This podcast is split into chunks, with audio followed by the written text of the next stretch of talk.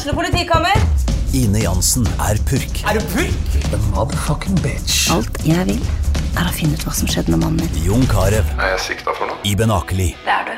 Ole So, Lars Berrum og Big Daddy Karsten. Hvem sin side er du på, egentlig? Anette Hoff, Tone Danielsen, Kommer du fra Afrika?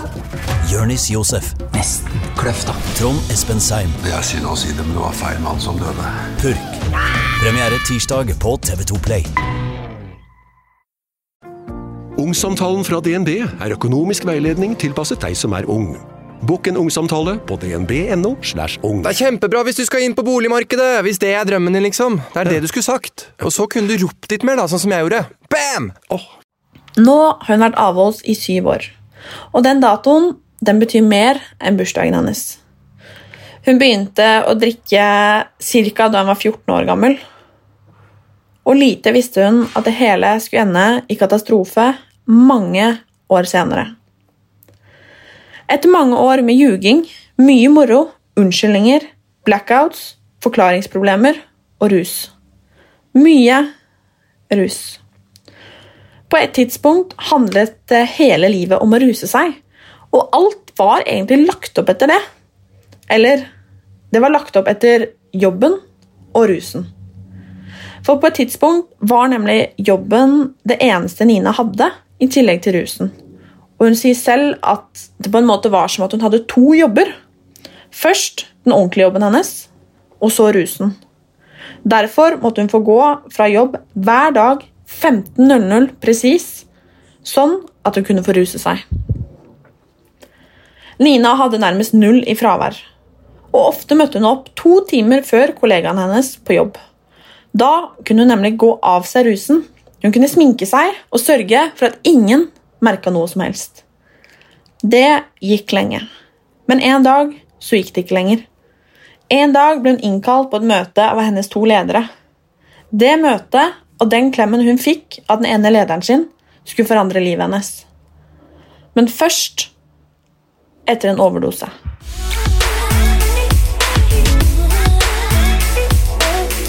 Hei, jeg heter Nina. Jeg er eh, 39 år. Jeg er tidligere rusavhengig, så jeg er her i dag for å snakke med Martine litt angående arbeidsliv og rus, og litt om livet generelt. Rett og slett om eh, din historie. Ja. Eh, For den er, eh, litt som vi har snakka om, den er eh, ganske heftig. eh, Men den er ikke unik. Nei, langt derifra. Dessverre. For det gjelder jo Jeg har ikke noe tall på det, men det gjelder vanvittig mange. Ja. Så jeg har lyst til å bli kjent med deg, mm. din historie, og for meg er jo dette her så viktig å prate om og sette fokus på, Ja. nettopp fordi det gjelder så mange. Um, jeg er glad i noen, det gjelder, og jeg tror det skal ganske mye til for å på en måte ikke vite om noen, ikke kjenne noen, ikke være glad i noen som denne tematikken berører, da, på en eller annen måte. Helt klart. Og derfor er det jo så vanvittig viktig at vi faktisk prater om, om dette. Med, altså, rus er jo liksom For meg, da, så er det veldig sårt. Det er veldig vanskelig. Og ganske personlig. Og det er det jo for deg også. Ja. Hvor gammel var du da du begynte å ruse deg, eller første gang du prøvde rus? Jeg var 14, og jeg kan nesten si på dagen når jeg begynte å ruse meg. Eh, Venninnen min eh, tok eh, livet sitt når vi var 14 år. Og jeg husker at helgen etterpå så var vi en gjeng jenter som bestemte oss for at vi skulle drikke oss drita. Og så gjorde vi det, og vi hadde det så vondt. altså Det var så jævlig den uken. Det var liksom det verste jeg har vært med på. Jeg hadde hatt en så trygg oppvekst før det. det hadde, ja, ja, ingenting annet sånn eh, ja, uh, alvorlig eller hadde skjedd før. Og da skjedde det et eller annet i mitt hode når vi drakk, og så får du den der lykkepromillen, og så har du det så jævlig, men så får du det så bra. Så det ble liksom sånn Jeg bare elska rusen fra første sekund. Um, og jeg gikk jo på en veldig fin skole i eh, utlandet, sånn at eh, hennes eh, selvmord skulle jo ikke prates om.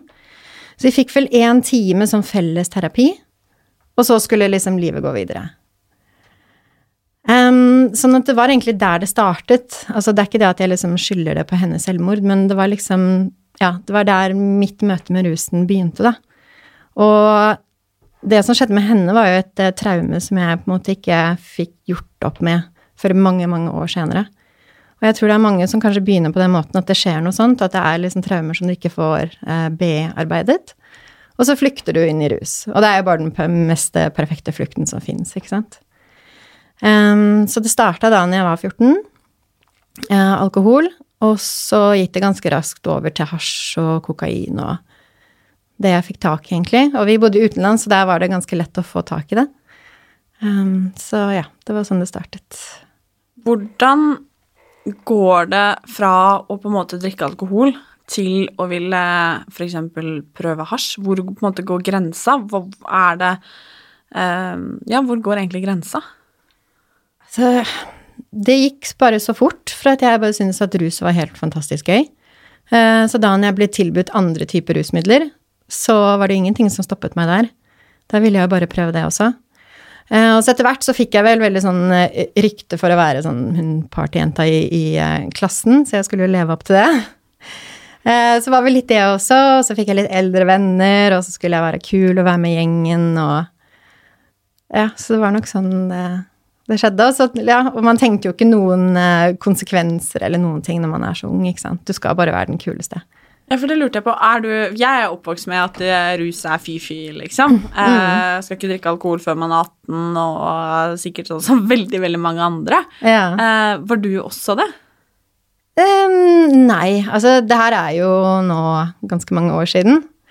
Um, sånn at Nei, så jeg hadde liksom ikke lært så mye om at det var veldig fy-fy. Og så bodde vi utenlands hvor liksom folk drakk vin til lunsj, og det var liksom overalt. Kultur for det, liksom? Ja, veldig. Ehm, sånn at jeg tenkte liksom aldri på det. Uh, jeg kjente ingen som hadde alkoholproblem. Det var heller ikke så tydelig der, siden det var så del av uh, kulturen. Hvilket land var det? Eh, Spania. Spania. Ja, ikke sant? Ja, så det var et eldorado for en 14-åring som har lyst til å drikke. ikke sant? Jeg Ja, kunne bare ja. gå inn og kjøpe så mye vin jeg ville på butikken. Det er jo helt sprøtt. Ja, det er det. Sånn at i Norge, hadde vi bodd her, så hadde det kanskje vært et hakk vanskeligere. Men altså, jeg digga jo rusen, så jeg hadde sikkert klart å få tak i det uansett. Hva var det du liksom Hva var det som tiltalte deg sånn? Når du rusa deg? Det var det, det her, den derre lykkepromillen, det her at du bare klarer å slappe av, ikke sant. Og så, ja, jeg var ung og hadde dårlig selvtillit, det var kanskje ikke så veldig frempå, og så tar du masse rus, og så blir du bare Eller, ja, man syns selv at man er dritkul. Og at jeg liksom ble mer åpen og Ja. Så hvordan var egentlig ungdomsårene dine? Når du begynte når du var 14, hvordan var liksom Nina fra hun var 14 til 20, for eksempel? Altså, helt ærlig, så hadde jeg jo det kjempegøy. Jeg hadde jo det. Altså, det skal jeg ikke legge skjul på. Eh, Det var jo masse festing og masse gøy. Jeg fikk jo ganske mye frihet hjemme. Det gjorde jeg. Mamma og pappa liker ikke når jeg forteller det, men sånn var det. Eh, Sånn at jeg hadde jo også muligheten til det. Og da er det jo veldig mange som sier ja, men da var det jo derfor det her skjedde, for at ikke du hadde ja, eh, mamma og pappa som passet bedre på. Men jeg tror at jeg hadde likt, eller elsket rusen like mye om jeg hadde vært 23 som 14. Sånn at jeg tror ikke man kan legge skyld på det heller, da. Men det var bare at det gjorde det lettere for meg, da. At jeg kunne slippe meg helt løs. Hvor ofte rusa du deg liksom i de årene der? Da var det jo mest på helgene. Ja. Men det var jo også sånn ofte etter skolen at vi gikk og satte oss på en bar og sånn, fordi sånn, ingen sjekka jo legg, så vi satt der som en, en gjeng 15-åringer og drakk øl, liksom. Det er jo helt spredt når man snakker om det nå, men der så var det mye mer akseptert, ikke sant. Sånn at vi kunne Sånn at etter hvert så strakk det jo seg mer enn bare helgene. Det gjorde det. Når var første gang du skjønte selv at du hadde et rusproblem? Det er det veldig mange som spør. Um, og jeg skjønte det når jeg begynte å få masse blackouts.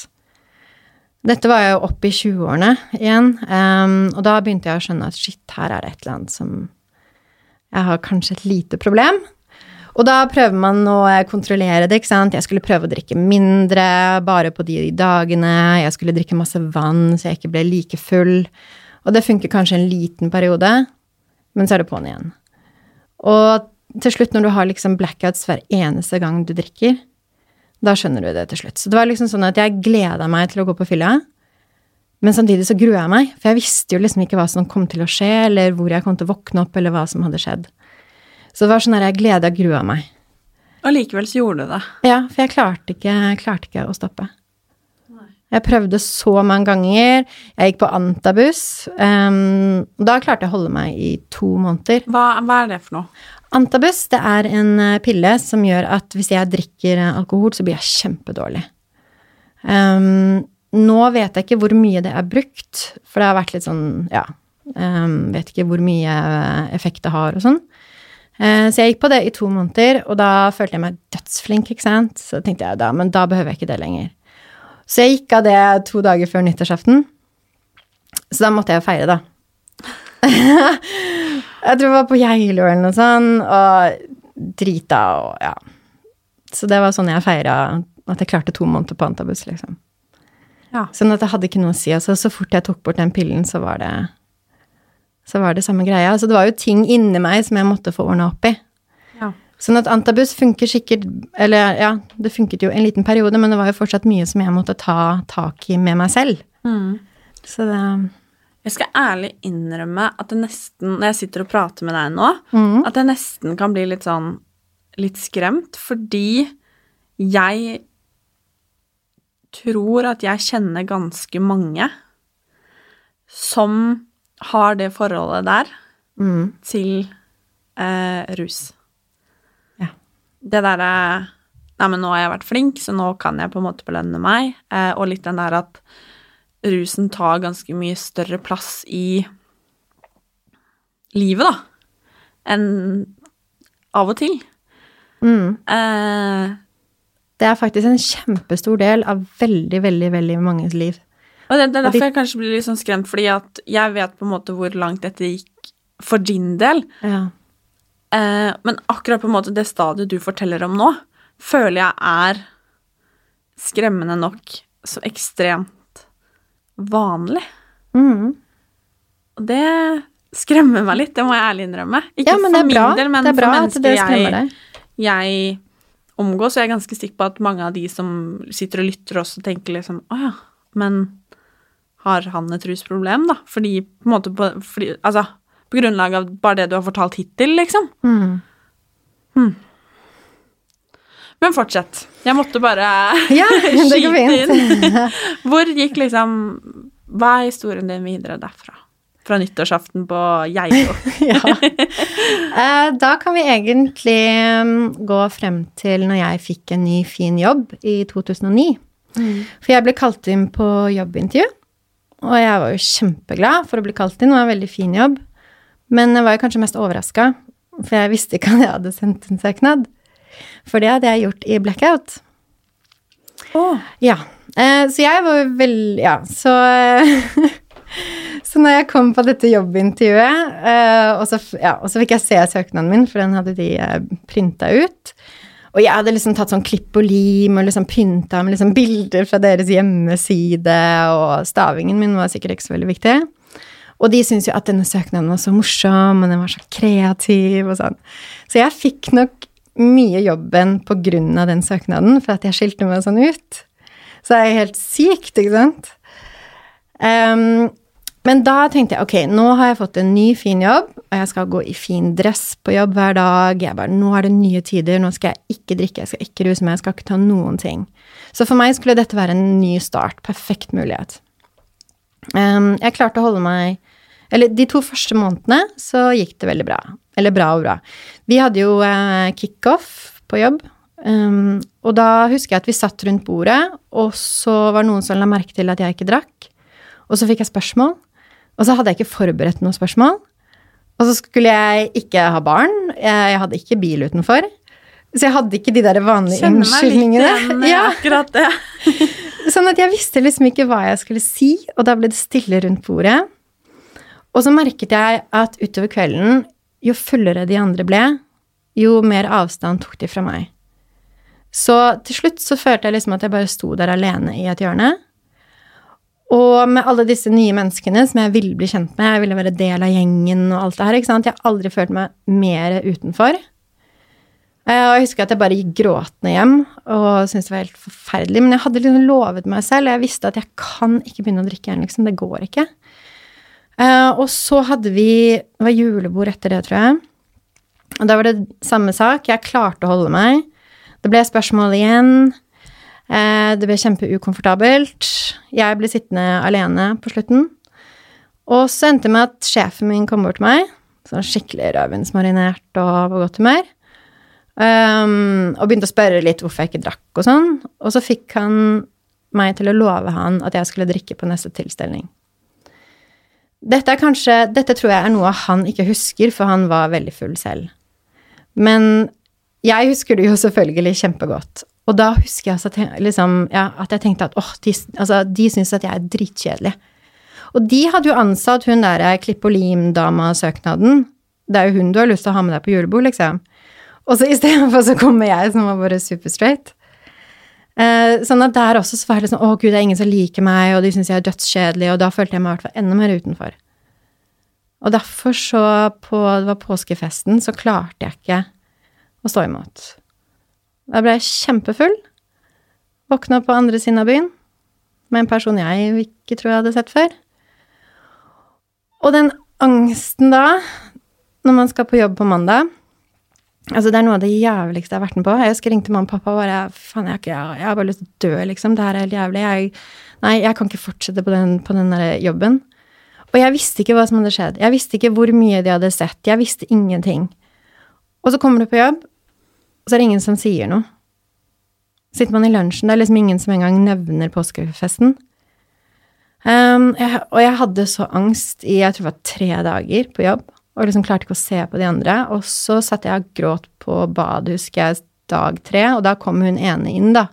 Og sa at nei, er- men herregud, altså, det var ikke så farlig som du trodde, og alt det der. Og det, og det var bra at hun sa det da, men jeg hadde trengt å høre det dag igjen.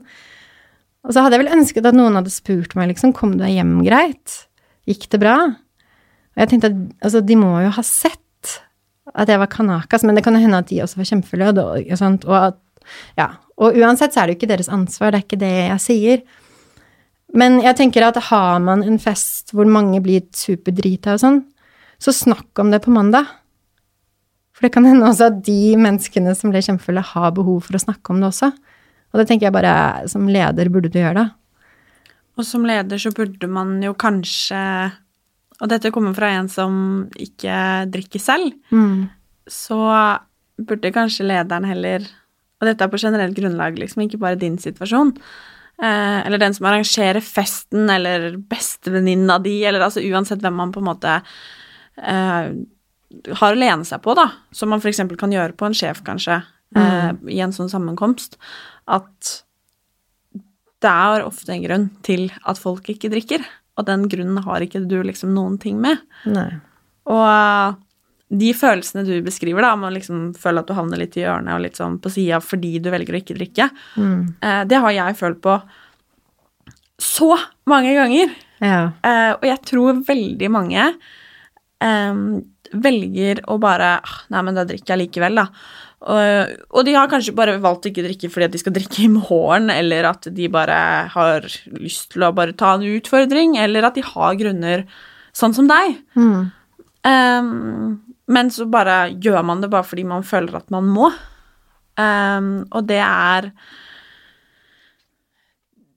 Jeg kjenner meg veldig igjen. Og jeg kjenner at det berører meg veldig, og at jeg faktisk klarer å bli ganske forbanna, for å være helt ærlig. ja, men så bra. Men når folk spør deg, hva sier du da? Um, herregud, altså jeg har uh, skyldt på så um, mye. Eh, men uh, jeg eh, Hvis jeg for eksempel eh, sier da, på en vanlig fest, at nei, jeg drikker ikke. De som kjenner meg, de spør jo ikke. Selv om de også, hvis de blir litt uh, fine i formen, ofte kan vi sånn Men ta litt, da. Eller hvis vi skal på en, på en fest, eksempel, bare sånn Da kan du drikke for oss, Martine. Kom igjen, liksom. Ja. Men nye mennesker spør jo ofte hvorfor. Eh, og hvis jeg bare sånn Nei, jeg er ikke så keen, liksom. Så får jeg alltid Altså, jeg tror egentlig aldri det har slått feil. Spørsmålet Å ja, er du gravid? Jeg tror jeg fikk det spørsmålet første gang da jeg var 16 år. Og det er i hvert fall noe folk ikke har noe med. Det er ingen med. verdens ting med, i hvert fall. Og det er sånn, det er sånn uh, Nei. Eller hvis jeg sier at for eksempel mm, Nei, jeg, eh, jeg kjører. Eh, og det gjør jeg jo stort sett uh, siden jeg ikke drikker. Ja. Uh, nei, null stress. Vi, vi, vi fikser taxi sammen. Nei, nei, herregud, bilen kan bare stå her til i morgen, liksom. Null stress. Så er ikke det på en måte gyldig grunn heller. Nei, nei, jeg er kjempeløsningsorientert. Ja, ja, å men det, til ja, men det er nettopp det. Og det er sånn Er du syk? Har det skjedd noe alvorlig? Er det liksom Og jeg har sagt flere ganger for å få folk til å slutte at sorry, jeg er alkoholiker. Ja, men så bra. Og da tier folk stille. Selvfølgelig. Og jeg tror kanskje aldri når jeg har svart det at folk har spurt noe mer etter det, for da blir det sånn Oi. Men ja, man blir jo litt oppgitt og forbanna etter hvert, ikke sant? Så. Og det er som du sier, at du kunne jo svart det, ikke sant? Eh, men en av grunnene til at jeg ikke drikker, er jo fordi at jeg er redd for den avhengigheten for min egen del. Um, og jeg er redd det kunne vært en realitet hvis jeg valgte å, valgte å drikke. Um, men jeg syns jo det er ganske sykt at det ofte må gå så langt. At jeg må si liksom skylde på et så alvorlig problem for at folk skal la meg være. Ja, jeg vet, det er helt galskap. At man egentlig må liksom gjøre seg selv så sårbar for at folk liksom skal si å ja. Og det er vel ikke til å legge skjul på at når man bruker en sånn unnskyldning at folk Du liksom jekker deg selv ned en del grader, da. I på en måte, da blir man på en måte Gjør man seg selv nesten et problem. Kan jeg føle, i hvert fall. Ja, og da kan folk bli enda mer ukomfortable, og så vidt tørre å liksom drikke foran deg og sånn, som Det er også sånn typisk. Ja, jo, men nettopp det. Og det er litt sånn eh, Er det greit at jeg tar meg et glass vin, eller? Når vi spiser middag, liksom? Ja, samme for meg, vel, bare jeg slipper, liksom. det er Uff, ja. Så de unnskyldningene, de eh, Det er litt sånn som jeg sier at Har jeg noen gang spurt deg hvorfor du drikker? Nei. Så må du spørre meg hvorfor jeg drik ikke drikker. Men ja, inn i historien igjen. Hva, Ja. hva skjedde videre? Nei, da hadde jeg gått over en eh, grense, sånn at da var det bare fritt vilt. Og dette var en veldig fuktig arbeidsplass, eh, masse fester og sammenkomster og sånn. Så jeg ble alltid kjempedrita. Så det var liksom det samme. Kjempegøy, festing, blackout, angst på mandag. Men den fylleangsten går jo over ganske raskt, da, ikke sant. Um, sånn at dette fortsatte jo i da to-tre år, faktisk. Um, sånn at nå hadde jo mitt gått over stokk og stein. Hvordan, hvordan da? Hvor, altså, hva Nei, altså, etter hvert da så ble det jo drikking så å si hver dag. Alene også? Ja, ja, ja. Um, og da, etter hvert, så skjønte jeg at jeg har et jævlig stort uh, problem. Og for meg da så var det jo så innmari viktig at jeg måtte skjule dette på jobb. Og jeg ble helt opphengt i dette her, at jeg måtte skjule det for alt i hele verden. Um, for eksempel, jeg begynte uh, sju om morgenen. Jeg kunne godt komme inn sånn fem. For å liksom gjøre klart alt, sånn at ingen skulle ta meg på noe. At ikke jeg hadde gjort min jobb. Og da kunne jeg også gå av meg rusen litt liksom, dagen før, ha god tid på å sminke meg og alt sånn, sånn at ingen skulle se det på meg. Uh, og veldig viktig at ingen luktet det på meg og sånne ting. Så når jeg hører nå at liksom, folk kommer på jobb og stinker alkohol, tenker jeg men herregud, amatør, hvor lenge har du vært alkis? For at etter hvert så blir du så god på å skjule det. Og du har sånne små triks, ikke sant, og det er ikke alltid de der vanlige tegnene som man tror. Jeg passet på at jeg aldri var borte på en mandag. Jeg hadde kjempelite fravær. Sånn at det var ikke de typiske tegnene som man kunne se det på. Um, jeg jobbet da alltid til uh, klokken tre, men da var det livsviktig at jeg fikk gå akkurat uh, klokken tre. Fordi på slutten der så var det det at jeg Altså, jeg slutta på jobben tre, og så gikk jeg og skaffa meg alt det jeg trengte. Og så gikk jeg hjem, og så begynte jeg å ruse meg sånn fem-seks-tiden. Så hadde jeg vel en blackout når klokken var sånn åtte. Men da måtte jeg stå opp igjen klokken fire, ikke sant, for å være på jobb klokken fem. Så til slutt så ble det min hverdag. Og liksom familie og venner og alt det der hadde jo bare gått til helvete, ikke sant. Eh, så det viktigste for meg var bare at jeg må holde på jobben. så til slutt så hadde Som sagt, det var liksom min hverdag. Så slitsomt. Du, det var kjempeslitsomt, så jeg hadde på en måte to jobber, da. Um, og så, ja, og som sagt, det var veldig viktig for meg at ingen skulle se det på meg heller. Men på slutten, for eksempel, jeg este jo ut i eh, vekt. Um, på det tidspunktet så veide jeg liksom eh, 25 kilo mer enn jeg gjør nå. Og det var pille og alkoholvekt. Og til slutt så var det jo ikke større uniformer, og jeg turte jo ikke å be om en større uniform, ikke sant, så jeg gikk rundt der i sånn pølseskinn-skjørt og liksom kunne så vidt uh, røre på meg, ikke sant. Og til slutt så var det bare sånn Jeg gadd så vidt å vaske håret, liksom. Sånn at til slutt så så man jo at det var et eller annet som var gærent her, liksom. Men det tok veldig lang tid, og jeg klarte å skjule det kjempelenge. Det gjorde jeg. Eh, og som sagt, det her at liksom jobben var det aller viktigste i hele verden. Fordi jeg hadde en overdose, og så våkna jeg på sykehuset. Og så satt mamma der og gråt. Og det første jeg sier til henne når jeg våkner opp, er eh, Har du ringt jobben? Eh, har du sagt at jeg er syk eller jeg har influensa eller et eller annet? Det må du gjøre. Så det var liksom det første jeg tenkte på. Ikke at jeg liksom våkna opp og faktisk levde, og at mamma satt der, men det første jeg tenkte på, var jobben.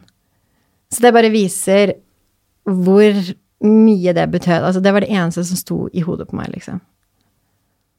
Så Det er ganske heftig.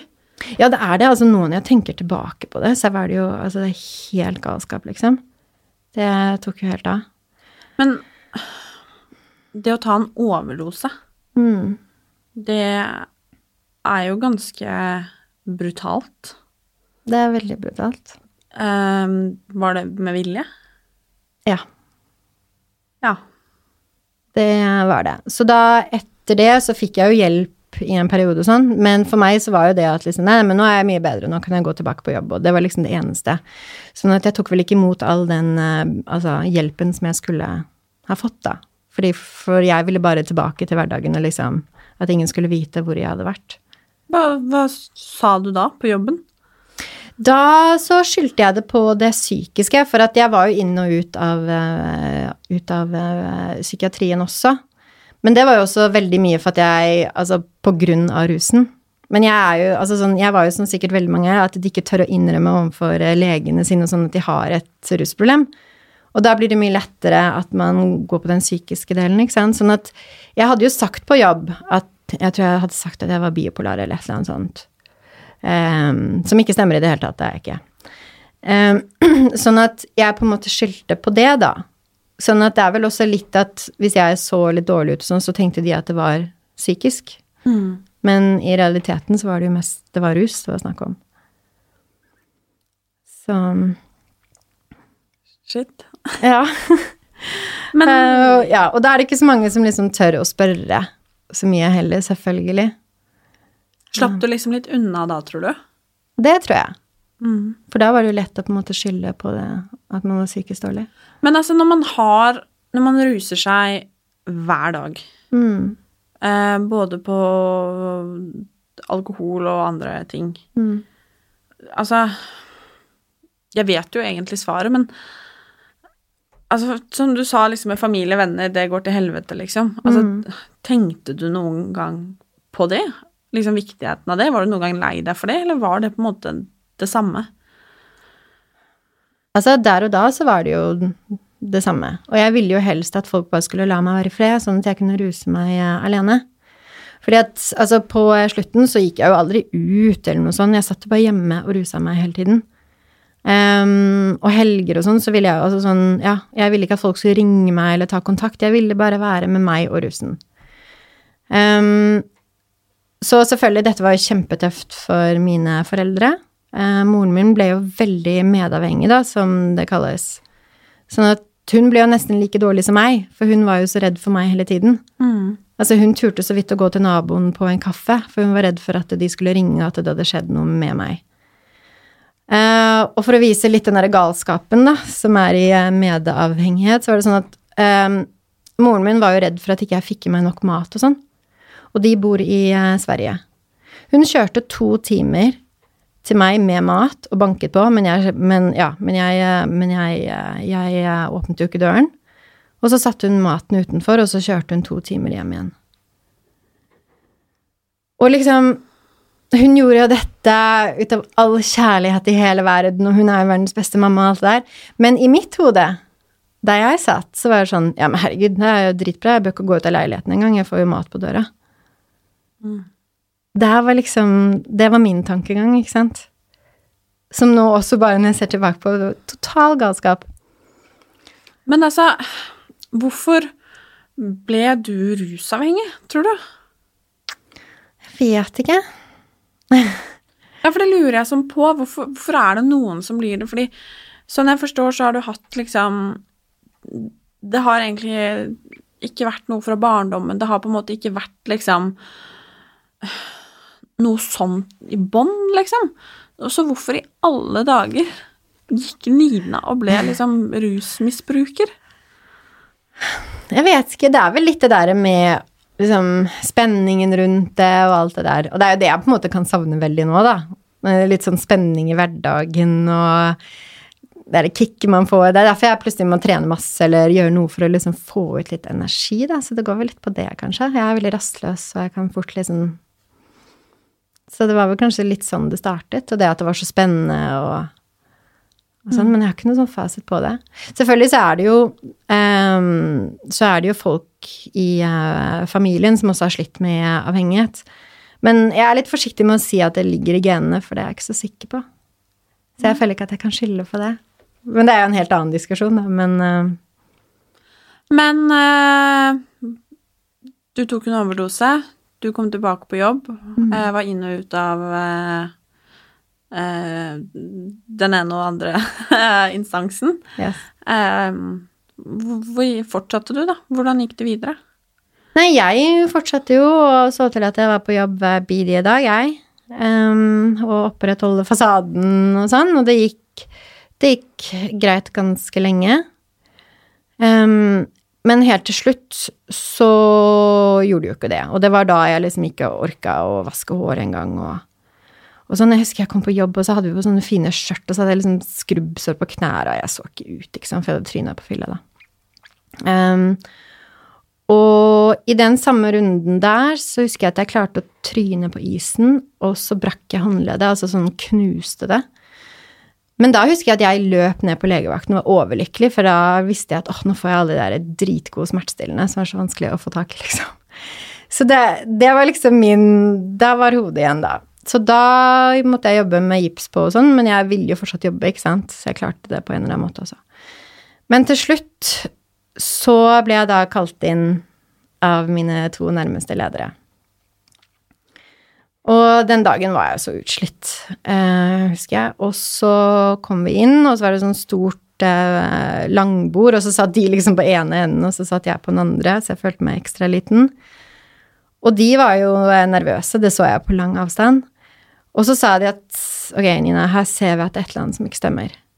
Og da bare knakk jeg sammen, for at jeg var så sliten, så jeg orka ikke å krangle eller benekte eller noen ting. Jeg var bare totalt utslitt.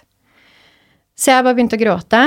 Eh, Jeg husker ikke så mye fra selve møtet, men det som jeg husker best, og som jeg snakker om hele tiden, det er at hun ene sjefen gikk rundt bordet, og så ga hun meg en klem. Og den klemmen, den blir jeg rørt om, med for gåsehud nå, den blir jeg rørt om hver gang jeg snakker om, fordi at den samtalen da, den blir i hvert fall gjort med omsorg. Og det er utrolig viktig, for at man føler seg veldig liten når den samtalen kommer, ikke sant? Men bare den klemmen gjorde samtalen til Ja, jeg følte omsorg, da. Um, men da fikk jeg beskjed om å dra hjem, og så skaffe hjelp, eller gå til legen. Men i mitt hode så trodde jeg da at jeg hadde mista jobben. Og det var jo det eneste som jeg hadde igjen. Allting annet hadde jo gått til helvete. Sånn at jeg gikk ikke og skaffa hjelp. Men jeg gikk og skaffa det jeg trengte, og så gikk jeg hjem. Og så skrev jeg avskjedsbrev, og så skrev jeg et eh, testament.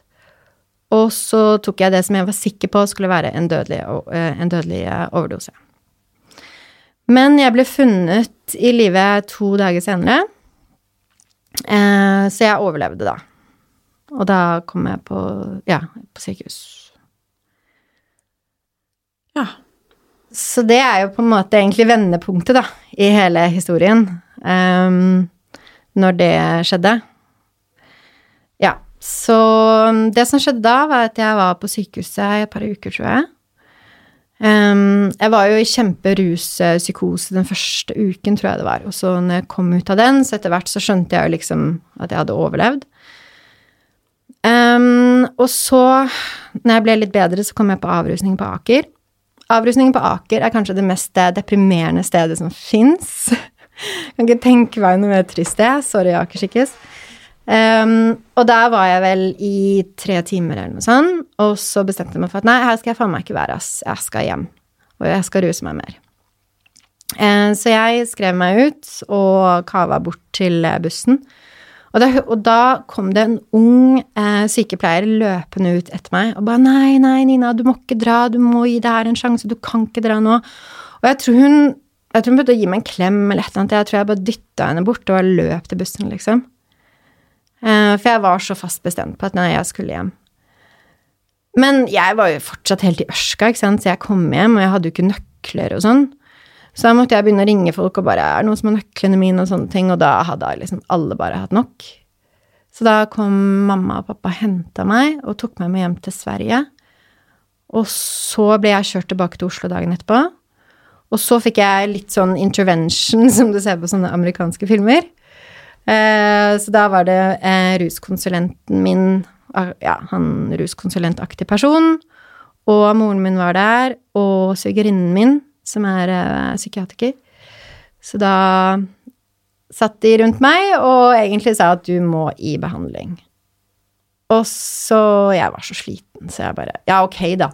Og da bare alle reiser seg og kaster seg rundt, og bare masse klær inn i bilen. Og moren min kjørte meg, det var nede i uh, Vestfold. Og sånn som hun sa, at altså, hun har aldri kjørt så fort i hele sitt liv, for hun var så redd for at jeg skulle ombestemme meg. Så vi måtte jo bare komme strakest vei ned dit. Så da kom jeg på en gård i Vestfold, på et sted som heter Alfa. Hvordan var det?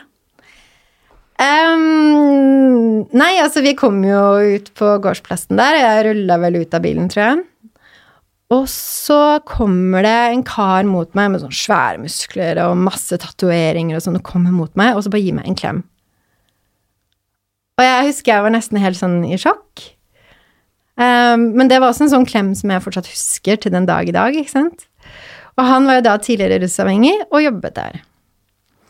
Sånn at det var han som fulgte meg inn og skrev meg inn, og moren min satt der og bare var kjempenervøs for at jeg skulle ombestemme meg igjen og bare løpe ut til bilen. Men det at han på en måte skjønte, og det at han hadde liksom samme bakgrunn, det gjorde jo at jeg følte meg mye, mye tryggere. Så de klarte å overtale meg. Så da kom jeg inn på Alfa. Hvor lenge var du der? Der var jeg i to måneder. Um, når jeg kom dit Altså, det var veldig strengt. Jeg, nå er de ikke like strenge, tror jeg. Men jeg ble jo tatt fra eh, mobiltelefon. Jeg ble skjerma fra omverdenen. Eh, masse regler. Eh, stå opp tidlig, legge seg tidlig hver dag. Hvis du ikke redde senga di, så ble det bråk. Eh, så det var veldig mye regler. Eh, intens terapi hver dag. Da, og, ja, eh, og, da er det sånn der gruppeterapi, så man sitter jo rundt med masse andre mennesker og skal dele alt det meste personlige som fins. Eh, beintøft. Så de første ukene så var jo dette bare et drittsted, og alle bare kunne dra til helvete. Jeg skulle i alle fall ikke være her, og det var ikke måte på. Så det var en dag hvor jeg sto og hylte og skrek i eh, gangen på hvilket drittsted vi alle var på. Så kommer han ene terapeuten bort til meg og han bare, men Ine, herregud, det er ikke noe problem. Bussen der ute går jo om 20 minutter. Du kan jo være i Oslo om en, en og en halv time. Snakkes. Og så bare gikk han. Og så bare fortsatte alle andre med sine greier. Så jeg sto der som en sånn 33-åring i uh, trassalder og bare Hva faen er det ingen skal be meg om å bli? Og så plutselig så skjønte jeg at nei, det er ikke det. Dette er helt opp til meg. Og da skjedde det et eller annet i mitt hode. Så jeg var hm, ok, kanskje jeg egentlig må være her. Så det ble liksom vendepunktet i behandlingen, da.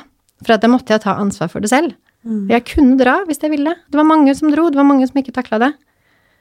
Men der og da så skjønte jeg altså at faen, det her er jo min siste sjanse. Hvis ikke jeg tar det nå, så er det over og ut. Mm. Så, men som sagt, det var veldig, veldig tøft. Jeg husker hun ene terapeuten som vi hadde, hun hadde, hun hadde litt lik bakgrunn som meg, jeg kjente meg veldig mye igjen i henne. Så derfor så hata jeg henne de første ukene. Og hun tok meg på alt, ikke sant. Jeg kunne ikke skjule noe for henne. Og så var det en dag hvor jeg hylte og skrek på henne og bare 'Du er så jævlig drittkjerring', og bla, bla. Og hun bare satt og så på meg, og så hun bare 'Ok, er du ferdig snart', liksom? For altså, det er ikke noe mer synd på deg enn alle andre her inne. Og når jeg forteller det, så folk bare 'Men herregud, man kan ikke si det til en pasient'. Og så sier jeg 'Men tenk deg litt. Når jeg begynner å gå i offerrollen eller synes synd på meg selv, hvem sin stemme er det jeg hører i hodet da? Det er jo selvfølgelig hennes. Og da innser jeg nei, det er ikke noe mer synd på meg enn noen andre. Så det var veldig tøft. De var veldig direkte. Um, men jeg trengte det. Det er ikke en behandlingsform som passer for alle, uh, men for meg så passet det perfekt. Og dette var en tolvtrinnsklinikk, uh, da, så det var tolvtrinnsmodellen. Som sagt, men den, den funka på meg, altså. For til slutt så skjønte jeg, som sagt, at dette her var min siste sjanse. Og da tok jeg imot all uh, behandling som jeg fikk. Og hva skjedde etter det? Nei, det var jo det at man skulle jo liksom tilbake til hverdagen igjen, da. Jeg var kjempenervøs. Jeg skjønte ikke helt hvordan dette skulle gå. Jeg fikk beskjed om at eh, jobben starter når du kommer ut fra behandling. Eh, 90% av jobben er når du kommer ut. Og jeg bare ja, whatever. Jeg har gjort så mye jobb her inne, liksom. Men det er jo noe med det, at da skal du ut tilbake til eh, hverdagen din igjen. Du er så skjør den første perioden når du kommer ut. Jeg visste ikke hvem jeg var, eller hva jeg ville, eller noen ting. Og så plutselig så klarer man liksom å tenke klart igjen, ikke sant. Så for meg så jeg, altså, jeg var livredd. Og så hadde jeg da vært borte i to måneder. Veldig få visste hvor jeg var. Men heldigvis så var jeg dette på sommeren, så folk trodde sikkert at jeg hadde bare tatt en kjempelang ferie. Så hadde jeg klart å bli litt brun, så da kunne jeg liksom gå for den uh, forklaringen. Men jeg var jo også kjempenervøs for at liksom, det skulle gå rykter og hvor var Nina og sånn, ikke sant. Og så fikk jeg jo uh, mobilen min tilbake når jeg dro. Og så når jeg kom hjem, så liksom Ok, nå skal jeg skru på, ja, skru på telefonen. Jeg hadde tre tekstmeldinger. To var fra mamma, hun hadde akkurat kjørt meg hjem. Og den siste var fra Bislett Bilutleie, som ønska meg en god sommer.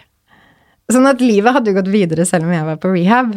Mm. Det var liksom ikke så veldig big deal. Så Men da skulle jeg jo tilbake til jobb. Samme jobben? Ja. Mm. Sånn at jeg visste ikke helt hvordan dette her skulle gå. I behandling så hadde jeg hørt om noe som het Akan. Um, Akan er Statens kompetansesenter for rus og avhengighet i arbeidslivet. Tror jeg sa det riktig nå. Og de tilbyr arbeidsplasser at du kan gi de ansatte en Akan-avtale. Så da er det en slags avtale om at jeg skal holde meg rusfri, gjøre min jobb, og så skal de eh, tilrettelegge for meg. Sånn at, For jeg kommer jo på jobben, og mine sjefer bare 'Ja, nå har du vært i rusbehandling, da kan vi fortsette som før'. Og jeg bare nei, nei, nei, det kan vi absolutt ikke. Og jeg var liksom ikke helt samme person som kom tilbake på jobb heller. Og jeg skjønte ikke hvordan jeg skulle takle det stresset og alt det som hadde gjort at jeg hadde klart jobben tidligere, for det var en veldig stressende jobb. Sånn at jeg sa at jeg må ha et eller annet hjelpemiddel, eller vi må ha en avtale på noe som helst måte. Og da var det en sånn Akan-avtale, da. De hadde jo aldri hørt om Akan før. Men de satte seg skikkelig inn i det. Jeg tror de googla alt om avhengighet og rus og Ja, så de var veldig engasjerte, og det er det at det er veldig mange ledere som vil hjelpe. Men det er ikke alltid vi Ja, vi som har en avhengighet, som skjønner det, da. Og hvordan i alle dager går det egentlig nå? For dette er jo ikke så mange år siden. Jeg Nå er det jo, er det jo sommeren, så nå Nei, faktisk, i dag så er det jo syv år siden. Er det det? Ja, som jeg rulla ut av bilen på Alfa. Gratulerer. Takk skal du ha. sånn at denne datoen for meg er mye viktigere enn min eh, bursdag. Jeg driter i bursdagen min nå. Men min sober date, da, som vi kaller det, det er liksom Det er min bursdag, på en måte. Fordi det var jo da jeg på en måte fikk livet tilbake. Um, sånn at ja, så syv år, men det er jo egentlig ikke så lenge siden. Pluss at jeg skravler jo om det hele tiden, så det holder det ferskt i eh, minnet. Mm. Så Wow. Mm. Og nå er du 39. Ja. Du blir 40 i år. Yes.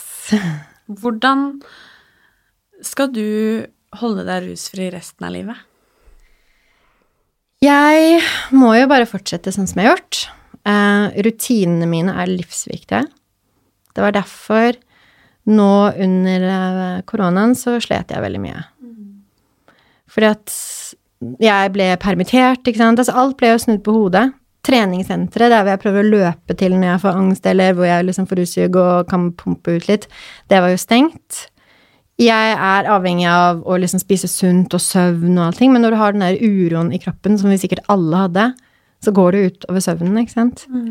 Sånn at da var det så vanskelig å holde på de gode tingene. Men jeg klarte det på en eller annen måte.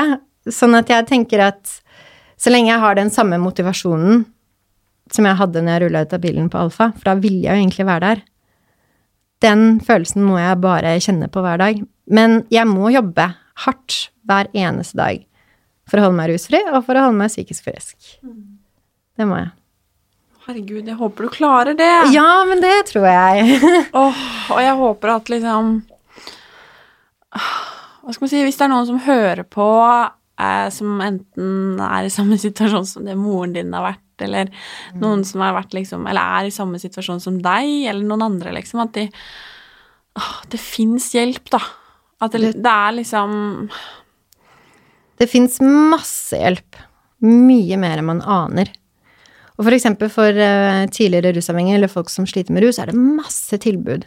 mm. Det er det. Og det er masse tilbud for pårørende også. Men det er så mye sånn som man ikke vet om.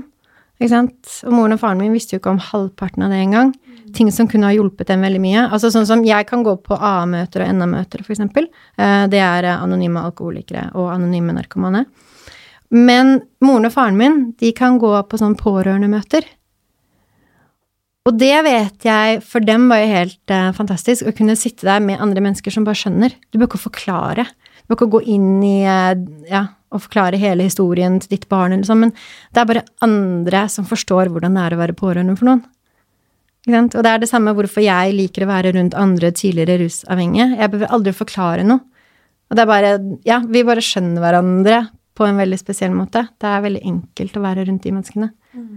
Sånn, det fins så mye tilbud, det fins så mye hjelp. Og på Akan så er det jo kjempeviktig det her. Du kan få hjelp på arbeidsplassen din. Det er så mange ledere også som vil hjelpe. De har gjerne gått på sånn 1000 Akan-kurs, og de står bare klare for å få en Akan-sak. Sånn at det er så mange folk som faktisk vil hjelpe deg. Og det er jeg så innmari glad for. Så, men man må jo være klar for å ta imot hjelp.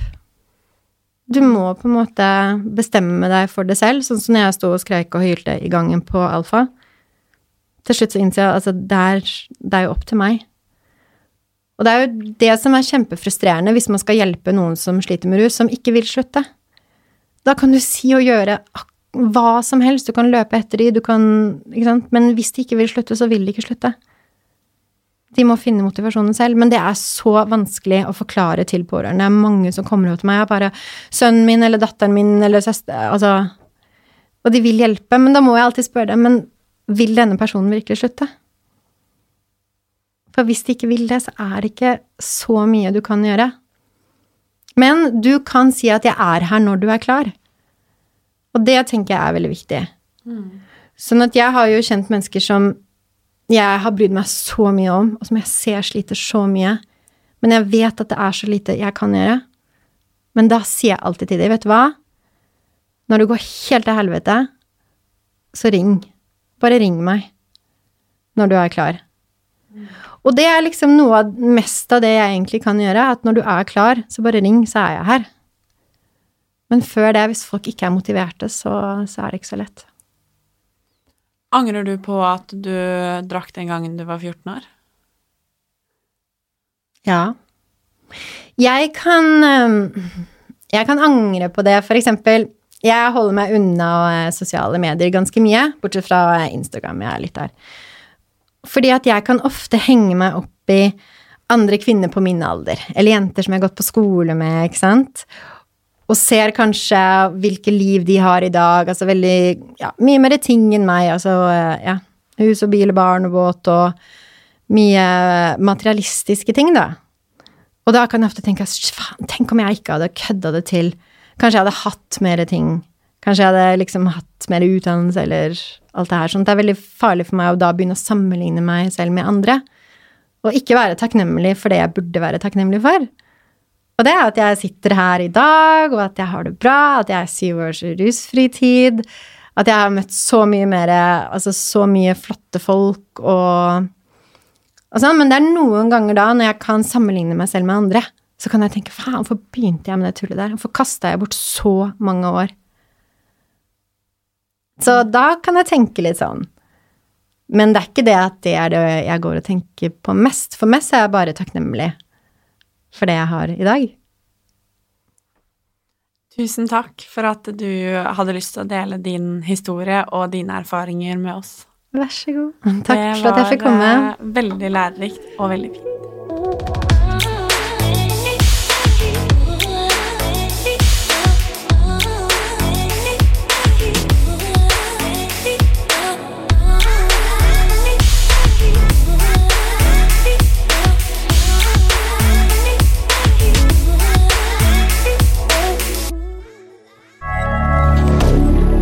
moderne media.